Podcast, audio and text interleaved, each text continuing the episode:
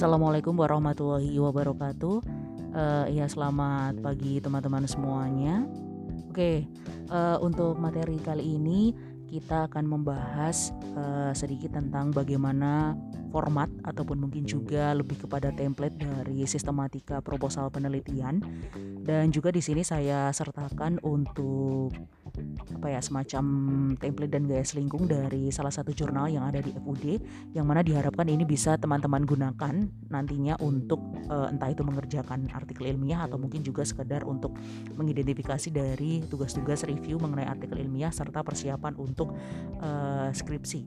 Karena di sini sebagai follow up kemarin uh, teman-teman saya minta untuk bergabung ya di dalam uh, international conference uh, karena memang di situ selain bicara tentang studi-studi uh, keislaman tetapi di situ kemarin teman-teman uh, juga bisa bergabung di dalam panel-panel ya saya berharapnya kemarin teman-teman bergabung ya. Jadi istilahnya tidak hanya bergabung di sesi yang awal saja, tetapi juga kalian bergabung di dalam sesi-sesi panelnya.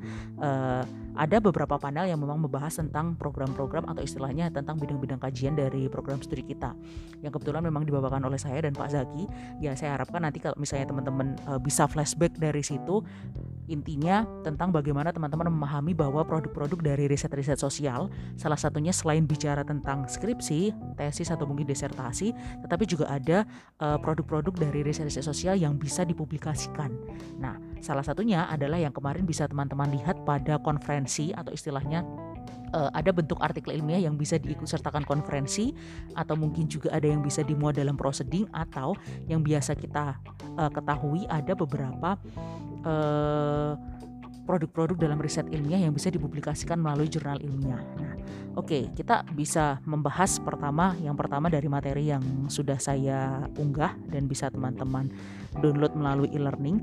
Yang pertama sedikit mungkin saya akan membahas tentang bagaimana uh, proposal penelitian terutama dari struktur atau sistematika penulisan yang bisa teman-teman uh, pahami sebelumnya mungkin sebagai tambahan kalian juga bisa melakukan uh, ini ya mengunduh ya mengunduh untuk uh, format dari skripsi yang bisa diunduh melalui website FUD nanti silahkan bisa dicari melalui website tersebut. Teman-teman bisa mengunduh dan istilahnya bisa melihat-lihat kira-kira apa sih yang bisa saya persiapkan terutama di dalam mata kuliah metode penelitian sosial ini? Meskipun memang katakanlah kalian belum mendapatkan tentang kuali atau kuanti atau lebih jauh lagi kalian belum mendapatkan tentang eh, pembahasan-pembahasan dari beberapa teori yang ada di komunikasi. Tetapi saya pikir ketika sudah mendapatkan metodologi penelitian paling tidak teman-teman bisa mendapatkan bayangan terlebih dahulu bahwa nanti next kita akan melakukan riset seperti apa. Karena mau tidak mau memang uh, di kita itu masih menggunakan konsep bahwa skripsi itu menjadi uh, hasil penelitian terakhir yang itu juga akan menentukan kelulusan kalian. Selain juga memang ini sudah mulai diberlakukan bahwa teman-teman juga harus mengenal bentuk-bentuk publikasi ilmiah atau produk-produk riset ilmiah yang nantinya bisa kalian gunakan untuk menunjang dari hasil penelitian kalian. Oke, uh, yang pertama di sini untuk materi yang saya unggah, saya bicara tentang bagaimana proposal penelitian. Kita mulai dulu dari flashback di materi yang lalu bicara tentang novelty yang mana diharapkan teman-teman semuanya mengerjakan ya untuk novelty itu. Di sini saya menentukan ada dua yang biasa dipakai untuk memperoleh novelty atau istilahnya untuk mengidentifikasikan novelty. Itu bisa dilihat dari bagaimana penulisan referensi dari teman-teman baik itu yang bentuknya body note maupun yang bentuknya footnote. Nah, ini saya berikan dua contoh. Kemarin misalnya kalau dalam body note teman-teman bisa menulis di bagian tengah misalnya uh, ada beberapa riset terdahulu dari siapa dari siapa bisa kalian tulis nanti di situ uh, di tengah namanya tapi dengan menulis nama belakang. Misalnya di sini ada uh, Selviana City Branding sebagai promosi Fantastik Ponorogo dari Selviana 2019 atau mungkin dari sejumlah riset terdahulu yang dia ditulis dari beberapa orang. Misalnya, ini secara spesifik pemasaran Kabupaten Ponorogo dalam riset terdahulu mengenai city branding uh, dari Pujiastuti dan Kusumawati, Selviana, Megantari dan Gilang. Nah, itu berarti bisa dikatakan bahwa riset-riset yang berbicara tentang komunikasi pemasaran Kabupaten Ponorogo di situ ditulis oleh beberapa orang Jadi ada beberapa riset-riset yang berbeda, riset-riset terdahulu yang berbeda yang ditulis dari beberapa orang. Nah, ini istilahnya bisa teman-teman pakai nanti untuk apa ya menentukan bagaimana kebaruan atau novelty yang mungkin kemarin sudah saya jelaskan dan sudah teman-teman kerjakan. Kemudian juga dari segi footnote itu juga bisa dilihat dari sama juga penulisannya hanya penyisipan-penyisipan nama dari autor itu bisa diletakkan di akhir. Jadi nanti di bagian reference kemudian teman-teman menulis ada footnote itu di sini bisa nanti di bagian di akhir. Misalnya nih kolam renang sampai dengan pengelolaan instalasi pengolahan lumpur tinja misalnya. Dari Perpamsi Persatuan Perusahaan Air Minum Seluruh Indonesia dan seterusnya dan seterusnya. Atau eh, pemaknaan baik secara internal maupun eksternal PR dalam hal ini dimaknai oleh Suryanto. Nah, kemudian di bawah penjelasan mengenai Suryanto, Suryanto dia menulis dari uh, dalam bukunya Pengantar Ilmu Komunikasi, Bandung, CV Pustaka Setia dan seterusnya. Jadi di sini yang bisa teman-teman lihat ada perbedaan ya. Nanti misalnya kalian menemui kok ini nggak ditulis di tengah seperti body note karena memang ada istilah atau tipe lain lagi yang namanya footnote yang itu juga biasa digunakan yang biasa digunakan di dalam penulisan referensi. Nah ini ketika bentuknya kayak footnote, nah ini bisa teman-teman lihat di dalam slide uh, nomor 3. Oke, kita masuk berangkat dari itu tadi ya berangkat dari bagaimana menggunakan referensi di dalam footnote maupun body note kita sedikit beralih kepada bagaimana prosedur penelitian. Pada dasarnya eh, penelitian yang ada di komunikasi itu kalau saya memaknai bisa dilakukan di dalam tataran lapangan atau tataran eh, langsung dengan menggunakan atau berupaya untuk memperoleh bidang uh, berupaya untuk memperoleh data-data secara primer secara langsung atau riset-riset yang sifatnya dia berdasarkan data sekunder. Nah, berdasarkan data sekunder ini banyak maksudnya. Dalam artian bisa data sekunder yang memang dikhususkan pada teks baik itu dari media yang sifatnya uh, tekstual, cetak ataupun mungkin juga media-media yang sifatnya audio atau audiovisual atau juga bisa dikatakan bahwa riset teksnya itu berasal dari data-data yang sifatnya literatur. Sehingga nanti bicaranya adalah data-data yang sifatnya uh, konseptual sekali misalnya berdasarkan dari literatur studi-studi terdahulu atau buku-buku atau referensi yang memang uh, semacam buku-buku babon atau buku-buku utama atau referensi utama yang memang itu digunakan untuk memperoleh atau memperoleh uh, menganalisis secara lebih lanjut untuk ke depannya sebagai bentuk kebaruan begitu. Nah ini secara sekilas nanti teman-teman bisa mendownload dan mencari juga untuk panduan dari skripsi di dalam proposal penelitian. Jadi sebelum nanti melakukan penelitian ke lapangan, biasanya teman-teman diminta untuk membuat proposal terlebih dahulu. Nah, ini kalau misalnya tata urutannya biasanya sebelum buat proposal teman-teman nanti diminta untuk mengirimkan outline kepada biro skripsi. Jadi ada dosen yang memang ditunjuk untuk menjadi biro skripsi dan setelahnya kalian bisa nanti memproses dan ketika sudah di ACC, teman-teman bisa masuk ke prodi untuk mendaftarkan skripsi itu atau judul itu dan nanti memperoleh uh, pembimbing. Nah, setelah memperoleh pembimbing, teman-teman bisa memproses proposal penelitiannya. Sebelum melakukan penelitian, nah di sini satu tahap pertama yang memang penting untuk dilakukan adalah teman-teman nanti bersama pembimbing istilahnya berkonsultasi dan uh, membuat proposal penelitian untuk membuat proposal penelitian yang mana nanti juga akan diujikan atau uh, dimasukkan di dalam pengujian uh, yang dinamakan sebagai semprom. Oke, kita bahas di sini di awal proposal penelitian karena kalau bicara sudah nanti sampai akhir ke penelitian risetnya, biasanya istilahnya itu akan tergantung pada bagaimana proposal yang teman-teman buat. Oke, kita masuk di dalam uh, proposal penelitiannya saja. Bicara tentang prosedur dari proposal penelitian, ada paling tidak tiga hal yang harus teman-teman pahami di awal. Ini sebenarnya yang juga harus dipegang di awal bahwa dalam penyusunan outline itu, meskipun sifatnya minimalis dan tidak sepanjang lebar dan tidak segamblang di dalam proposal penelitian, tapi sebenarnya ada tiga hal yang memang sudah harus dipegang dulu. Ketika teman-teman nanti membuat atau menentukan judul, kalian memang diminta untuk memikirkan atau istilahnya diminta untuk bisa mengidentifikasikan tiga hal utama ini. Yang pertama kita bicara tentang pendahuluan.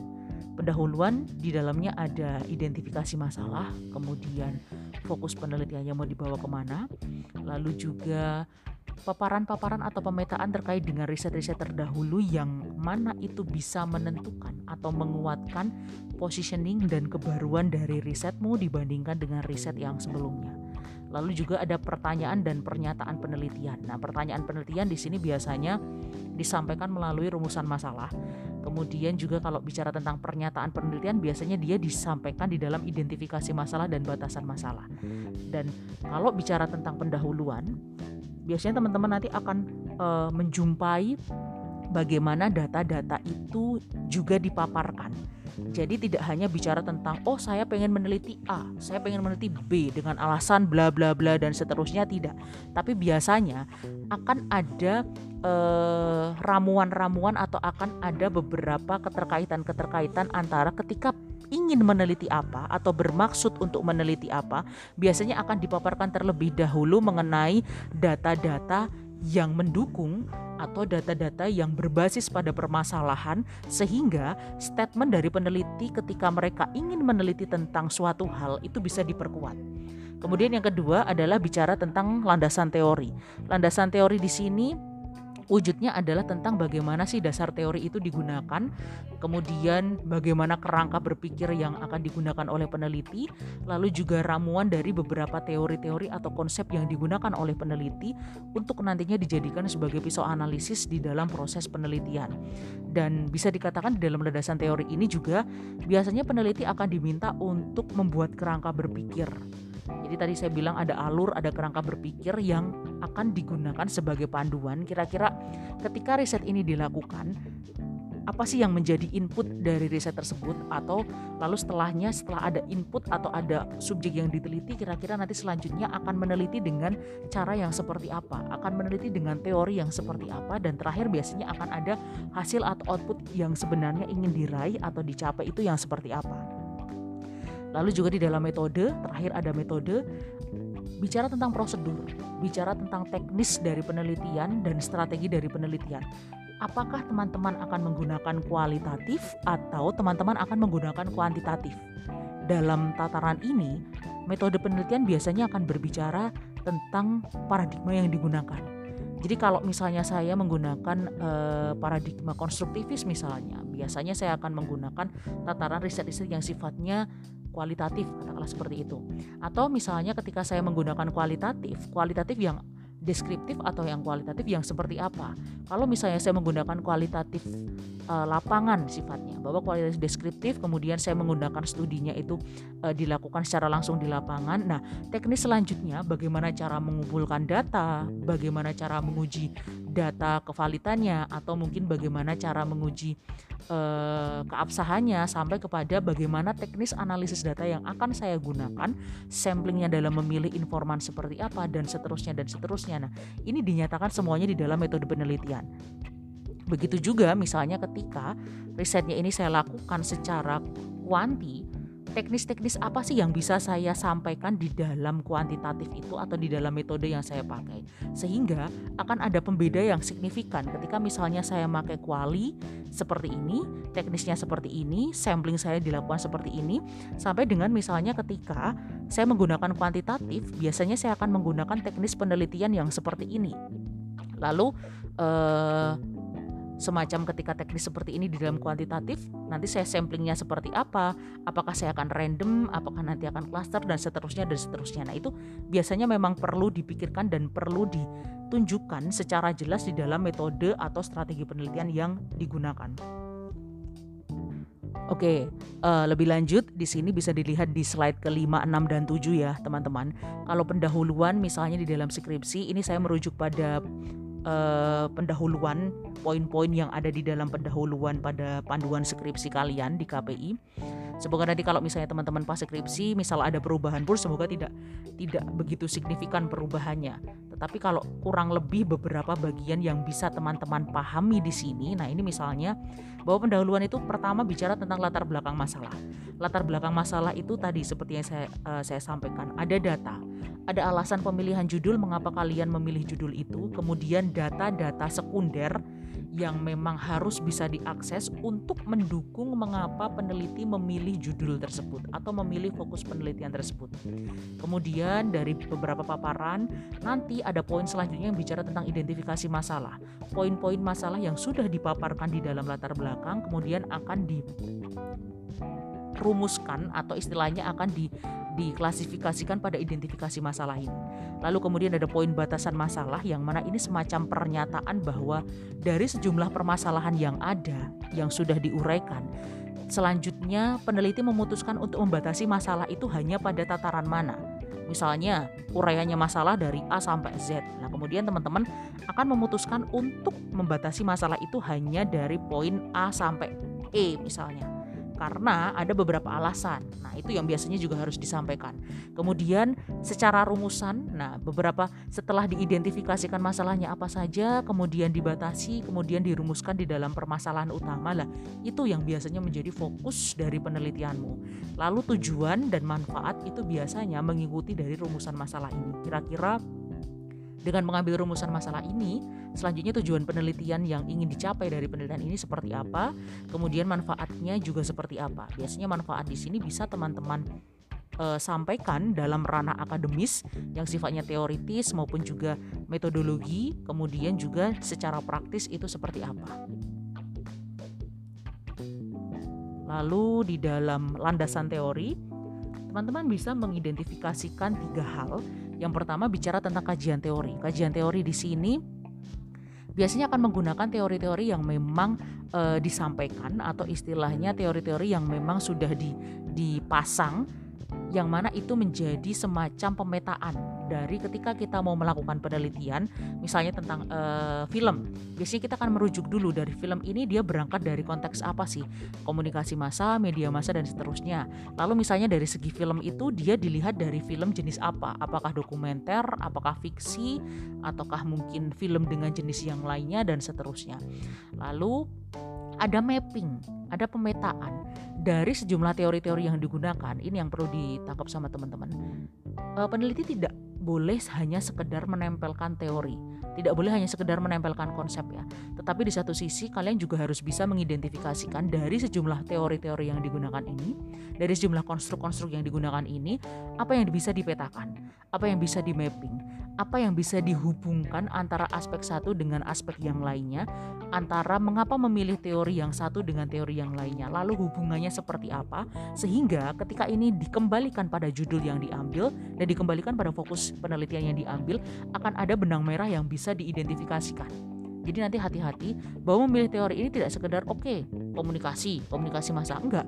Jangan-jangan risetmu bukan bicara tentang komunikasi masa lagi Misalnya risetnya jangan-jangan bicara tentang komunikasi interpersonal. Ya jangan bahas tentang komunikasi massa jika misalnya risetnya bicara tentang komunikasi interpersonal. Nah, ini yang harus harus hati-hati ya dan perlunya untuk pemahaman mengenai teori komunikasi ada di sini. Lalu yang selanjutnya ada tinjauan pustaka. Nah, tinjauan pustaka di sini biasanya kalau di dalam uh, riset-riset di KPI dia lebih berbicara tentang uh, penelitian terdahulu. Nah, ini yang juga harus hati-hati teman-teman. Kalau di dalam latar belakang penelitian terdahulu itu memang ditulis tetapi lebih memfokuskan pada bagaimana kebaruan dan penelitian yang bisa diambil dan bisa diidentifikasikan pada uh, beberapa penelitian itu dibandingkan dengan penelitianmu. Sedangkan di dalam landasan teori ini biasanya memang lebih memaparkan bagaimana hubungannya atau istilahnya perbedaan dan persamaan dari pemetaan riset-riset terdahulu yang ada. Jadi ibaratnya lebih kaya kalau di dalam landasan teori kamu boleh mengumpulkan riset-riset terdahulu yang banyak, yang lebih uh, masif begitu dan bisa diambil ini loh aspek ini yang berhubungan dari segi metode ini yang berhubungan dari segi uh, permasalahan ini yang berhubungan dan seterusnya dan seterusnya. Sedangkan di dalam latar belakang, teman-teman bisa langsung to the point saja bahwa ketika kamu pengen meliti tentang fokus A, riset terdahulu yang pernah bicara tentang fokus A itu misalnya apa. Tetapi dalam riset terdahulu mereka hanya fokus pada ini atau mereka hanya membahas tentang ini. Sedangkan di risetmu kamu akan memfokuskan tentang ini, ini, ini, ini. Atau alasan lain ada yang bisa dipaparkan. Nah, jadi bedanya kalau di dalam bab 1 itu biasanya lebih kepada novelty dicari secara to the point dan langsung jelas letak gap of research-nya ada di mana. Sedangkan di dalam landasan teori biasanya dia akan berbicara uh, pemetaan yang lebih kaya. Misalnya dari riset terdahulu itu ada A, B, C, poin yang sama ini, poin yang beda ini dan seterusnya dan seterusnya.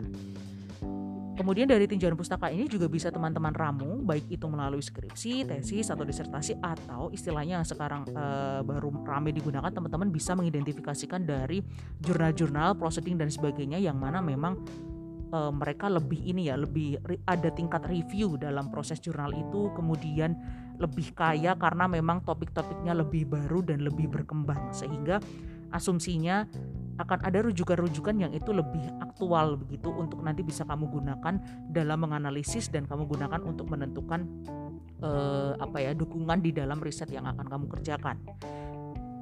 Kemudian selain kajian teori dan tujuan pustaka, ada juga yang uh, bagian atau poin lain yang bicara tentang kerangka berpikir. Nah, tadi yang saya katakan alur. Ini biasanya yang uh, ada mungkin ada beberapa format yang tidak menggunakan kerangka berpikir, tapi juga ada beberapa format uh, penelitian atau mungkin juga dalam skripsi yang dia ada kerangka berpikirnya. Nah, ini lebih kepada aru, alur atau proses dari penelitian teman-teman itu nanti selanjutnya seperti apa. Lalu juga yang terakhir kita bicara tentang metode penelitian.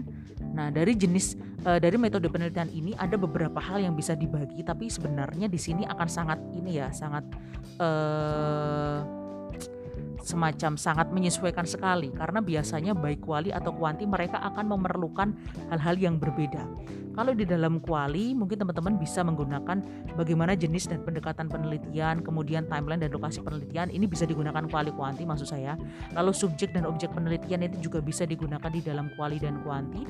Seperti materi yang sebelumnya kalau bicara tentang subjek itu bicara tentang siapa yang diteliti, tetapi kalau bicara objek penelitian itu bicara tentang sebenarnya poin apa sih yang tak teliti gitu. Kemudian sumber data primer sekunder ini juga bisa digunakan dalam konteks kuali dan kuanti. Nah, yang selanjutnya adalah bicara tentang pengumpulan data. Pengumpulan data jelas berbeda. Kalau di dalam tataran kuali, teman-teman pasti akan cenderung menggunakan uh, pengumpulan data yang sifatnya sangat is sekali atau sangat kasuistik sekali. Misalnya, pengamatan, kemudian uh, wawancara atau interview dengan asumsi bahwa ketika kuali katakanlah informan yang diambil itu biasanya tidak dalam kuantitas yang banyak. Sedangkan di dalam kuanti, untuk menggantikan wawancara biasanya bisa digunakan dengan menyebar angket atau kuesioner. Tetapi memang yang menjadikan berbeda biasanya di dalam wawancara akan ada spesifikasi-spesifikasi pertanyaan yang itu bisa digali secara lebih luas. Dalam artian bahwa orang yang kita ajak bicara atau orang yang kita uh, tanyai misalnya, mereka akan bisa menjelaskan berdasarkan base of experience mereka. Pemaparan-pemaparan biasanya lebih panjang dan akan memungkinkan adanya transkrip uh, wawancara begitu. Sedangkan di dalam kuanti biasanya teman-teman akan melakukan uh, penyebaran angket atau kuesioner yang mana penyebaran angket atau kuesioner ini tidak bisa sembarangan di dalam menentukan pertanyaannya kalau dalam kuanti penentuan pertanyaan dari interview guide akan didasarkan pada teori yang dipakai apa. Tetapi kalau misalnya di dalam uh, kuanti sama-sama berdasarkan pada teori yang dipakai apa tetapi lebih kepada ada turunan-turunan dari teori itu. Dari konsep kemudian menuju konstruk kemudian ada beberapa varian-varian atau yang bisa dikatakan dalam variabel-variabel. Nah dari variabel itu biasanya dia akan diturunkan. Ada beberapa poin-poin pertanyaan yang apakah ini sesuai atau tidak dengan variabel yang digunakan.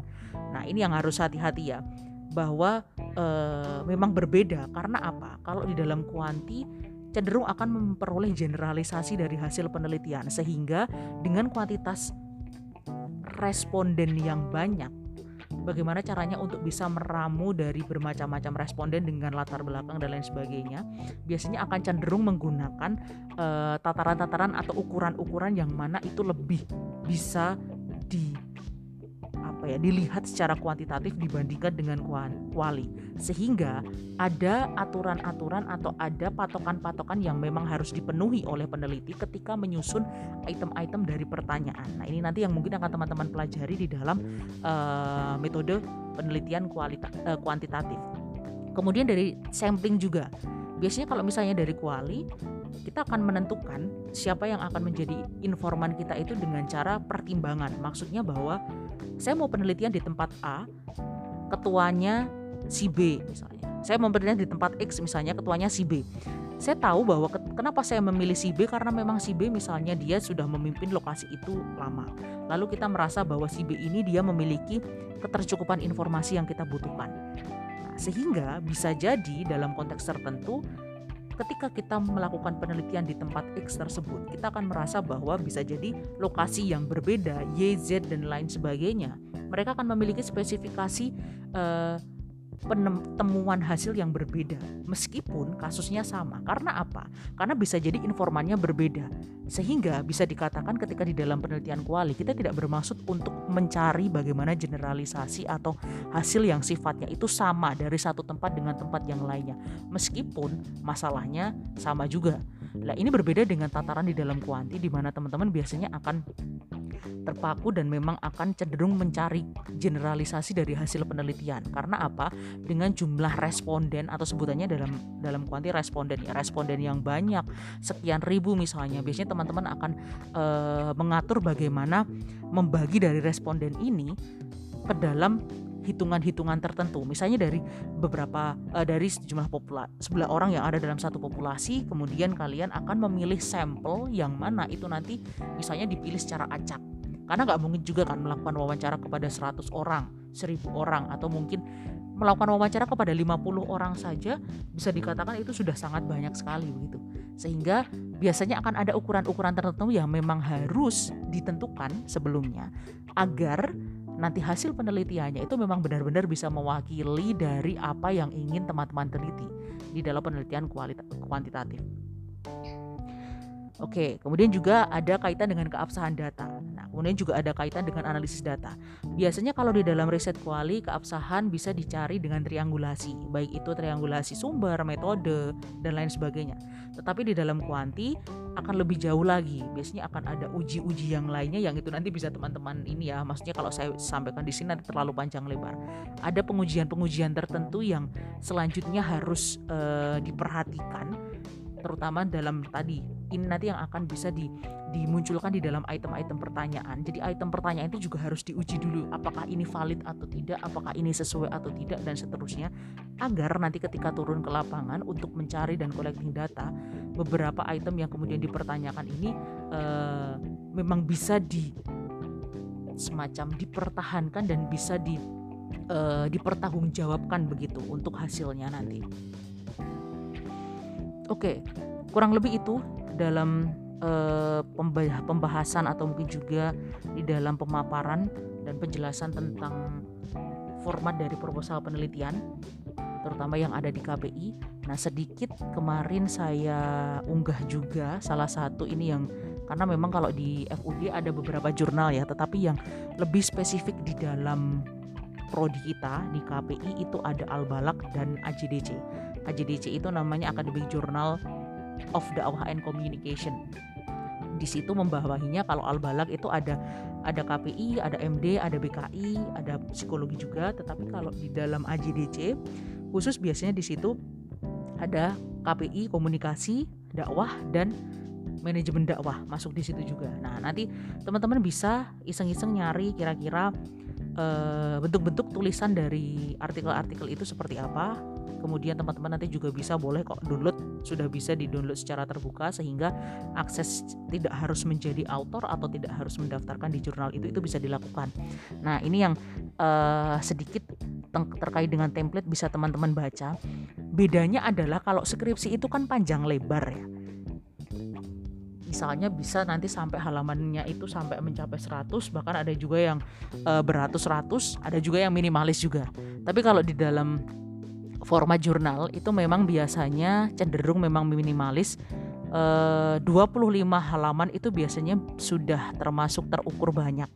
Sudah termasuk eh, dalam halaman yang banyak kalau sekitaran 25 halaman. Biasanya standarnya ada yang 20 halaman atau bahkan mungkin ya 15 sampai 20 halaman atau ya tadi 20 sampai 21 halaman eh, tergantung dengan pembahasannya seperti apa Nah, biasanya masing-masing jurnal itu, nah ini yang uh, harus dipahami, punya format yang berbeda. Di FUD ini aja untuk yang jurnal Sinta 2 antara Al-Balagh dan Al-A'raf itu punya format yang berbeda. Karena memang bidang kajian kita berbeda dan spesifikasi kita berbeda. Sampai pada cara pengutipan pun ketika di Al-Balagh kita pakai APA, body note, kemudian ketika di Al-A'raf itu ada uh, footnote dengan turobian. Nah, itu berbeda juga.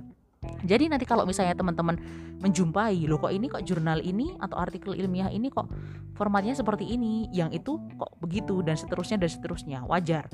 Tapi memang biasanya dalam satu jurnal mereka punya di setiap terbitan itu mereka harus konsisten. Kalau misalnya pakai format yang seperti itu dari edisi pertama sampai akhir nanti misalnya itu memang harus harus menggunakan harus menggunakan format yang sama. Sedangkan kalau misalnya berbeda jurnal bisa jadi itu mereka akan bisa menggunakan format yang berbeda karena memang lebih kepada format template ini lebih kepada gaya selingkung atau semacam aturan penulisan yang memang sudah disepakati oleh orang-orang yang e, menjadi pengelola dan tentunya juga bagi autor atau penulis yang ingin menuliskan tulisannya dan mengunggah tulisannya di dalam jurnal itu istilahnya mereka harus menaati adanya gaya selingkung dan template yang digunakan. Oke, di sini misalnya saya kemarin saya unggah untuk Albalak, teman-teman bisa lihat misalnya di situ ada judul, sudah ada ada keterangannya. Bagaimana judul harus ditempatkan di center, kemudian dengan huruf Times New, Times New Roman, kemudian ukuran 14, ditulis maksimal 15 kata dengan bahasa Indonesia dan bahasa Inggris, ringkas, lugas, dan menjelaskan isi tulisan. Nah, sampai seperti itu, sampai ini diaturnya sampai sedemikian rupa. Kemudian juga istilah pengaruh hubungan studi kasus sebaiknya tidak digunakan sebagai judul, lokasi penelitian boleh dituliskan di judul dan seterusnya dan seterusnya. Nah, ini sampai sampai ada hal-hal yang uh, ini di, di dibaca ya maksudnya sampai sampai ada yang dituliskan seperti ini kemudian jika ada penulis lebih dari satu maka penulisnya seperti apa harus menyertakan alamat email untuk korespondensi sampai pada biasanya fakultas atau afiliasinya juga harus dituliskan tapi memang yang perlu diingat di dalam penulisan jurnal penulis tidak perlu mencantumkan gelar karena memang posisinya semuanya rata. Jadi nggak nggak mau peduli kamu mau profesor, dokter dan seterusnya. Biasanya nggak akan peduli karena memang kalau di dalam jurnal itu sifatnya akademis itu dia tidak tidak terlalu tidak terlalu mementingkan adanya gelar ya. Biasanya begitu. Lebih kepada ketika ada nama, email untuk korespondensi. Korespondensi itu semacam uh, apa ya berhubungan nanti berhubungan untuk komunikasi begitu kemudian ada afiliasinya. Lalu juga di abstrak baik bahasa Indonesia dan bahasa Inggris itu juga sudah ada penjelasannya. Ini sampai misalnya maksimal 150 kata dan seterusnya dan seterusnya. Kemudian di situ dibagi menjadi pendahuluan, metode penelitian, hasil penelitian dan pembahasan. Uh, lalu juga ada katakanlah cara penulisan tabel yang seperti apa, ada keterangannya harus ada keterangan. Misalnya judul tabel harus diletakkan di atas atau di bawah. Sampai kemudian nanti misalnya gambar itu apa saja yang termasuk di dalam gambar? Bagan kemudian image diagram dan lain sebagainya itu biasanya masuk di dalam uh, gambar jenis gambar. Lalu keterangannya dalam gambar itu dia harus dimasukkan di atas atau di bawah lah itu biasanya juga sudah ada penjelasannya. Lah ini yang harus hati-hati memang uh, karena saking ketatnya biasanya kalau di dalam penulisan artikel ilmiah yang dipublikasikan itu biasanya akan ada proses review. Selain juga harus author atau penulis harus menaati bagaimana format penulisannya, tetapi di satu sisi mereka juga harus menaati proses reviewnya. Jadi ibaratnya ketika kita menuliskan atau mengirimkan naskah terus nanti selang berapa minggu diterima dan kemudian dipublikasikan tidak. Biasanya akan ada proses review, mulai dari review yang sifatnya tekstual, apakah ini sesuai dengan gaya selingkung atau tidak, apakah ini sesuai dengan template atau tidak, sampai review yang sifatnya itu secara konten atau substansi. Misalnya, tidak ada kebaruan di dalam riset ini, atau tidak ada hal yang menarik dalam riset ini biasanya di situ dari pihak jurnal mereka akan menggunakan reviewer-reviewer dari luar jurnal itu untuk selanjutnya mereka atau dari luar kampus misalnya untuk kemudian diminta untuk mengecek ini hal-hal apa sih yang kurang, hal-hal apa sih yang sekiranya belum dicantumkan di dalam uh, publikasi ini sehingga perlu untuk dicantumkan. Nah, kemudian misalnya di dalam bagian analisis. Di dalam bagian analisis kira-kira ini kurang apa atau poin mana yang seharusnya bisa dibahas secara lebih mendalam atau bagian apa yang seharusnya bisa perlu dikembangkan dan dielaborasi lagi. Nah, itu biasanya akan ada catatan-catatannya. Maka tidak heran bahwa ketika misalnya menuliskan di jurnal, terutama dalam jurnal-jurnal yang statusnya lebih tinggi kalau di Indonesia misalnya Sinta 1, Sinta 2 atau mungkin kalau menulis sekalian di Scopus misalnya, biasanya akan ada proses review yang panjang. Panjang di sini bisa berbulan-bulan bahkan sampai ke arah uh, pen, menunggu sampai satu tahun itu juga ada. Nah ini yang yang yang apa ya memang memang gregetnya di situ. Nah oke okay, nanti secara lebih lanjut teman-teman bisa mengidentifikasikan dan bisa membaca-baca lagi secara tipis-tipis di dalam jurnalnya untuk kalau mau tahu di mana sih Al-Balak atau mungkin di mana sih AJDC teman-teman bisa kok langsung uh, browsing di Google nanti misalnya jurnal Al-Balak IAIN Surakarta atau misalnya masih dengan IAIN ya atau jurnal AJDC FUD IAIN Surakarta misalnya seperti itu nanti sudah akan muncul di dalam uh, internet nanti tracking-trackingannya ada. Oke. Okay, itu yang mungkin bisa saya sampaikan. Uh, next mungkin akan ada penugasan yang lebih ini lagi dari teman-teman, tapi kurang lebih apakah nanti terkait jurnal ataukah nanti terkait dengan riset penelitian nanti bisa bisa ini ya bisa bisa kita kembangkan kembali. Dan mohon maaf jika saya belum bisa memberikan pemaparan secara langsung karena tadi mungkin ada ujian.